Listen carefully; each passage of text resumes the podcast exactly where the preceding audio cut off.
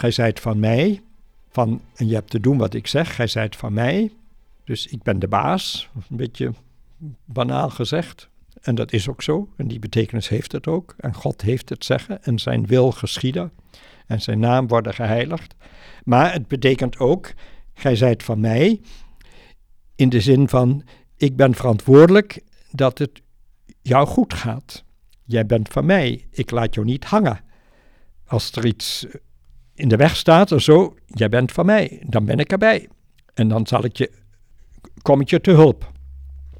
Dus in beide kanten zit er eigenlijk een grote overgave in. Gij zijt van mij in de zin van, ik heb het zeggen, dat verlangt van mij overgave, dat God over mij beschikken kan. Ja, dat ik me aan de wil van God toevertrouw. Maar de andere kant heen is ook een overgave, geloven dat Hij het goed met me voor heeft en dat Hij voor me opkomt. Dat ik zijn, zijn kind ben en daar, daarin ook de geborgenheid mag ervaren. Het gaat dus eigenlijk over het verbond. En dat is natuurlijk toch de rode draad die door de hele Bijbel loopt. God zoekt het verbond met de mensen. God wil bij de mensen zijn. Meester Eckhart die zegt ergens: Nog nooit heeft ooit een mens, wat dan ook, zozeer verlangd als God ernaar verlangt bij de mens te zijn.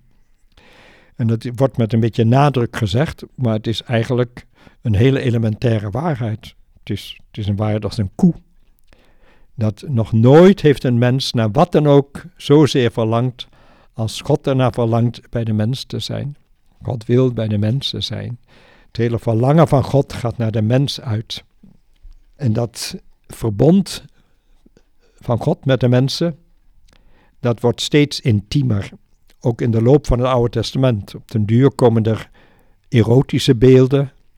Komt, wordt het vergeleken met een huwelijk, met een bruidschap. Dus het wordt, de verbinding tussen God en mens wordt heel intiem. En in het Nieuwe Testament wordt het eigenlijk nog intiemer. Als Jezus in Johannes 6 zegt: Wie mijn vlees eet en mijn bloed drinkt, blijft in mij en ik in hem. Dan wordt het, ja, twee personen, hij en ik, die elkaar helemaal doordringen, die één worden. Of het, uh, het beeld van de wijnstok en de ranken is ook een beeld van een hele grote intimiteit. De kracht en het sap van de wijnstok, dat is in de ranken. En dat maakt die ranken levend en vruchtbaar. En zo is God in ieder van ons en dat maakt ons leven vruchtbaar en ja, vervuld en vol vrede. Gij zijt van mij, goed, dus die dubbele betekenis. En de eerste was dan, ja, dan moet ik ook doen wat God wil. Ik weet niet, ik denk aan een stel mensen de wil van God wel heel moeilijk vinden, maar ja, die moet geschieden. Daar moet ik mijn kop voor buigen. Het is wel, het is wel erg, maar ja, de wil van God gaat boven alles. En ik denk niet dat het die betekenis in de Bijbel heeft. Hè? Dus de Torah, het, Hebreeuwse woord dan voor de wet, zoals wij het gewoonlijk vertalen. De wet moet geschieden, de wet moet je respecteren, de wet moet je onderhouden. Boeber vertaalt het met wijzingen, dus met aanwijzingen, richtingwijzingen. De wil van God, of de wet van God, is eigenlijk een hulp om mijn leven te doen slagen. Ik heb zo bedacht, als ik een apparaat koop, een wasmachine of een, uh, een computer of een televisieapparaat, dan is er altijd een gebruiksaanwijzing bij. En dan staat dan op hoe je met dat apparaat om moet gaan. En dan kan ik nu zeggen, ja, maar ik heb er toch voor betaald, ik kan er mee doen wat ik wil. Ja, dat kun je ook. Je kunt ermee doen wat je wil. Je hoeft je aan die gebruiksaanwijzing niet te houden.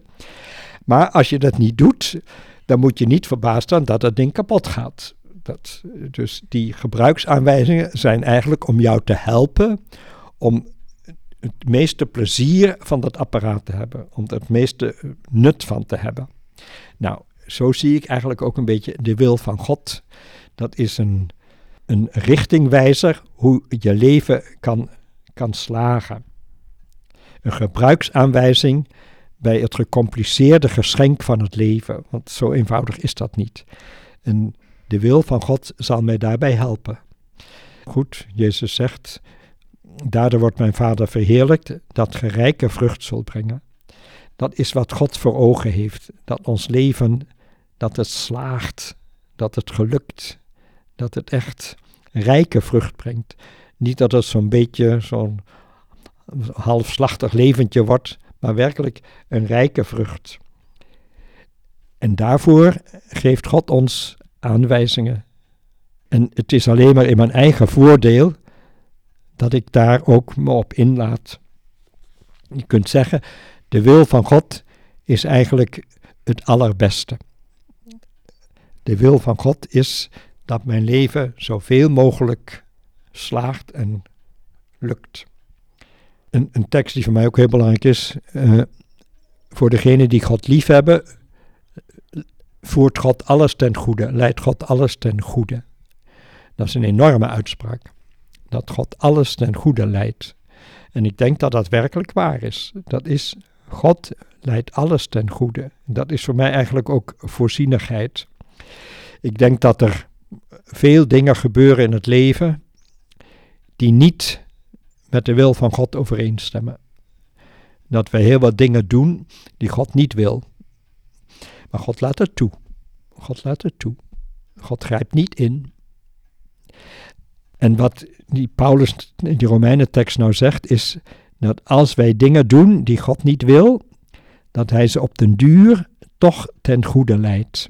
Daar is God mee bezig. Ik denk dat is, ja, dat is de grote bezigheid van God. De dingen die wij doen, steeds weer opnieuw ten goede leiden. Alsmaar weer corrigeren wat wij verkeerd doen. Dit werpen mijn andere vragen als ik dit hoor bij u. Dan denk ik, ehm, ja, dingen die ik verkeerd doe, die kunnen ten goede gekeerd worden, zegt u, door God. Ehm, maar dingen die mij overkomen, leed wat mij overkomt waar ik niets aan kan doen. En dan? Ja, oké, ik, ik denk ook daar geldt dat God dat ten goede kan voeren. Hè? Dus, en ik geloof dat, hij dat we ook genoeg voorbeelden meemaken waar het inderdaad gebeurt. Dat, dat mij iets overkomen is wat heel erg is. En dat in de loop van, het, van mijn leven zich dat toch ten goede gekeerd heeft. Misschien heb ik daar zelf mee meegewerkt. En, als ik zeg, God voert dat ten goede, dan sluit dat niet uit uit mijn eigen medewerking. Hè? Maar ik denk, dat is toch de bedoeling van God om het alsmaar weer ten goede te voeren. En daarmee is hij bezig. Dat geldt ook voor dingen die mij overkomen zijn en die anderen mij hebben aangedaan. Of, of misschien kan ook een natuurramp zijn, hè, waar ik niemand verantwoordelijk voor kan maken, maar die dan toch in mijn leven als groot lijden zijn binnengekomen. En ik denk, dat lijden heeft niet het laatste woord. Het is toch de verrijzenis die het laatste woord heeft. Hm? En God heeft zelfs het lijden van zijn zoon ten goede gekeerd. En dat was toch ja, het, het ergste eigenlijk wat er in de geschiedenis gebeurd is. Het lijden van Jezus. Als u eerder zegt, ehm, ik ben zijn eigendom, dan is hij verantwoordelijk voor mijn leven. Of is dat zo niet? Ja, ik, ik ben natuurlijk zelf ook verantwoordelijk. Hè? Dus God respecteert mijn vrije wil. Dus in, in die zin uh, ben ik zelf verantwoordelijk voor mijn leven. Maar ja, ik ben zijn eigendom. Goed, dat heb ik dan wel gezegd, maar ik, ik, behoor hem toe. Hè? Hoe stond het er? Gij zijt van mij. Ik behoor hem toe. Dus hij zal mij nooit laten vallen. Hij zal altijd dat wat mij overkomt en dat wat ik zelf doe, hij zal toch altijd dat ten goede leiden. Dat is zijn, zijn bezigheid, zijn, zijn instelling. Hij wil dat ten goede leiden, want ik behoor hem toe. Als ik hem zo toebehoor en ik ga, ik maak een misstap, ik ga in plaats van rechtdoor linksaf. Um, helpt het u dan de wetenschap dat u hem toebehoort? Dat u weet van als ik een verkeerde richting opdreig te gaan, dat hij me wel terughaalt? Ja, dat is zeker een, eh, een, een hele grote hulp. Dus natuurlijk moet ik dikwijls een keuze maken. Ga ik nou rechtdoor, ga ik linksaf of ga ik rechtsaf? En ik denk, ik moet daar serieus en ernstig eh, overwegen, onderscheiden wat daar het goede is. Maar ook als ik me vergis, dan trekt God zijn hand niet terug. Ook daar zal zijn sterke hand mij dragen. Hm? En zelfs als ik bewust een verkeerde keuze maak, ik denk ook dan laat God mij niet vallen. Ook dan blijft hij ja, achter me staan en zal mij, mij stimuleren om dat toch om om te keren, om me te bekeren. Daar is hij ook op uit. Maar weer opdat mijn leven zal slagen. Dat mijn leven rijke vrucht zal brengen. En dat ik daarin zelf dan ook de vervulling vind van een vruchtbaar leven. En een vruchtbaar leven, wat is dat? Ja, een leven dat rijke vrucht brengt.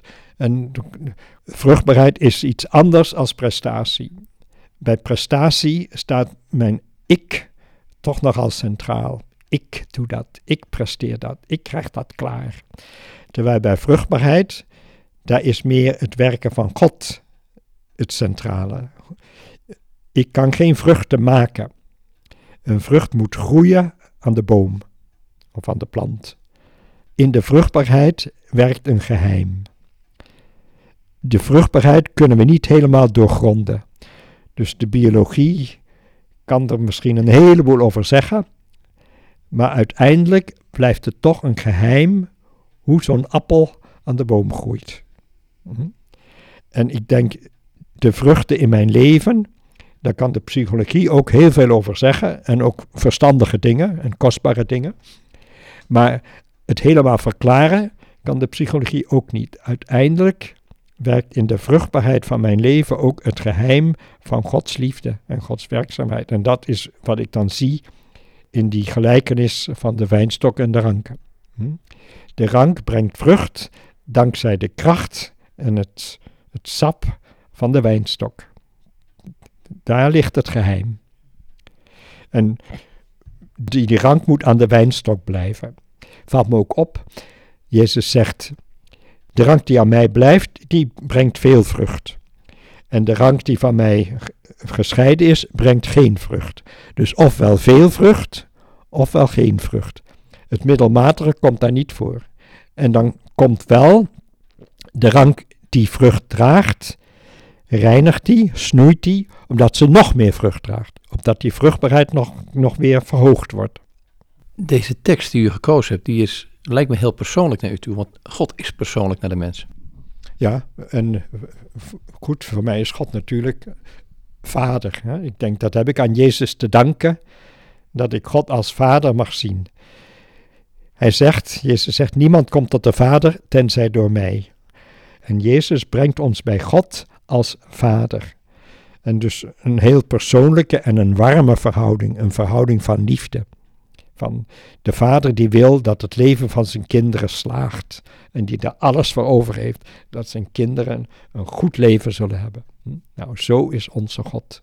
Dan staat zo'n tekst als uh, gij zijt van mij direct in een ander licht toch ook? Ja, ja, dus uh, dat gij zijt van mij, ik ben uw vader. Hè? En ik zal u nooit vergeten, ik zal u nooit laten vallen. En ook al zou je ja, de, ergste zonde doen die er bestaan, je blijft van mij.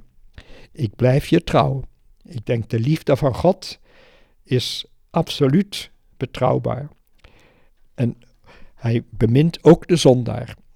En ook de mens die zich van hem afkeert, zijn liefde blijft. Hij zal niet dwingen, hij zal niet forceren, hij zal mijn vrijheid respecteren, maar zijn liefde blijft. Ik denk dat is de diepste zekerheid die ik heb, dat Gods liefde absoluut betrouwbaar is. Dan is voor u ook hoop. Ja, dat, eh, ja inderdaad. Dat, zonder dat heb ik ook geen been om op te staan. Want natuurlijk zijn er dingen in mijn leven die niet goed zijn. En natuurlijk heb ik verkeerde beslissingen genomen. En, en natuurlijk heb, en zeker heb ik verkeerde dingen gedaan en verkeerde dingen gezegd. Ik moet proberen om dat ook goed te maken als ik dat kan. Maar ik kan proberen om dat goed te maken omdat zijn hand mij blijft dragen. Als hij me had laten vallen daar, ja, dan, dan was ik verloren. Wanneer begon deze tekst voor, het, voor u voor het eerste leven? Oh, dat is al heel lang geleden. Dat zijn al tientallen jaren.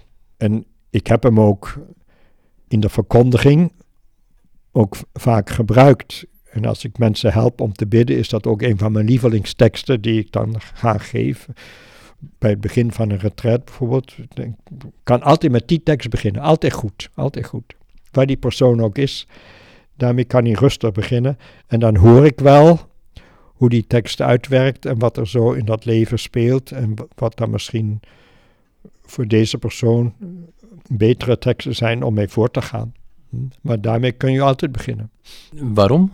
Wat is dan de kern? Oké, ik weet nog, dat moet in 1968 geweest zijn.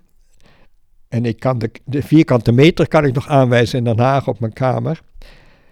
S ochtends dat ik mediteerde over een tekst uit uh, het, het hoge priestelijk gebed, waar Jezus zegt, opdat de wereld zal erkennen dat gij mij hebt gezonden en hen hebt liefgehad zoals gij mij hebt liefgehad. En ik weet nog dat ik dacht, dat kan niet, dat bestaat niet. Dus de Vader houdt van Jezus toch veel meer dan van mij. En aan het eind komt nog een keer terug, opdat de liefde waarmee gij mij hebt liefgehad, in hen mogen zijn. De liefde waarmee de Vader Jezus bemint, diezelfde liefde is ook in ons. En diezelfde liefde gaat ook naar ons uit. En ik, ik was helemaal van streek. Ik kon het niet aan elkaar, aan elkaar rijmen. En langzamerhand ben ik steeds meer gaan zien dat het er werkelijk staat. Die liefde die de Vader voor Jezus heeft, diezelfde liefde heeft hij ook voor ons. De liefde van God is onverdeeld. Ik heb er veel over nagedacht en ook veel over gesproken en ook over geschreven natuurlijk. En het eenvoudigste wat ik kan zeggen, wij hebben lief en God is liefde. En dat is een enorm verschil. Wij hebben lief en daarmee kunnen we onze liefde ook verdelen. En dat doen we ook voortdurend. En de een krijgt een grote portie en de andere een kleinere portie. Ik kan mijn liefde verdelen. God is liefde en die heeft niks te verdelen. God kan niet een portie ervan afnemen. God is liefde en ja, dat is altijd de hele liefde. En die gaat uit naar iedere mens. En dat vind ik, ja, voor mij is dat de diepste ontdekking die ik gedaan heb. Goed, Peter Knauwer, een, een, eh, een, medebroeder die nou in Brussel zit, die, die zegt het iets, moet zeggen, iets ingewikkelder. Maar zodat het geheim bewaard blijft. De liefde van God neemt haar maat niet aan ons, maar aan zich. En daar heb je het ook gezegd. Maar ik vind liefhebben en liefde zijn is eigenlijk eenvoudiger gezegd. Het is dezelfde waarheid. Dus die liefde van God gaat onverdeeld uit naar iedere mens. Nou. En het laatste stuk van de tekst luidt ook alweer, want daar wil ik mee besluiten. Wees niet bevreesd, want ik heb u verlost, u geroepen bij uw naam, gij zijt van mij. Bij uw naam, dat is bij uw wezen. Zo als u nu bent, zo heb ik u geroepen, gij zijt van mij. Mijn hele liefde gaat naar u uit. En in die liefde bent u geborgen en gedragen en thuis.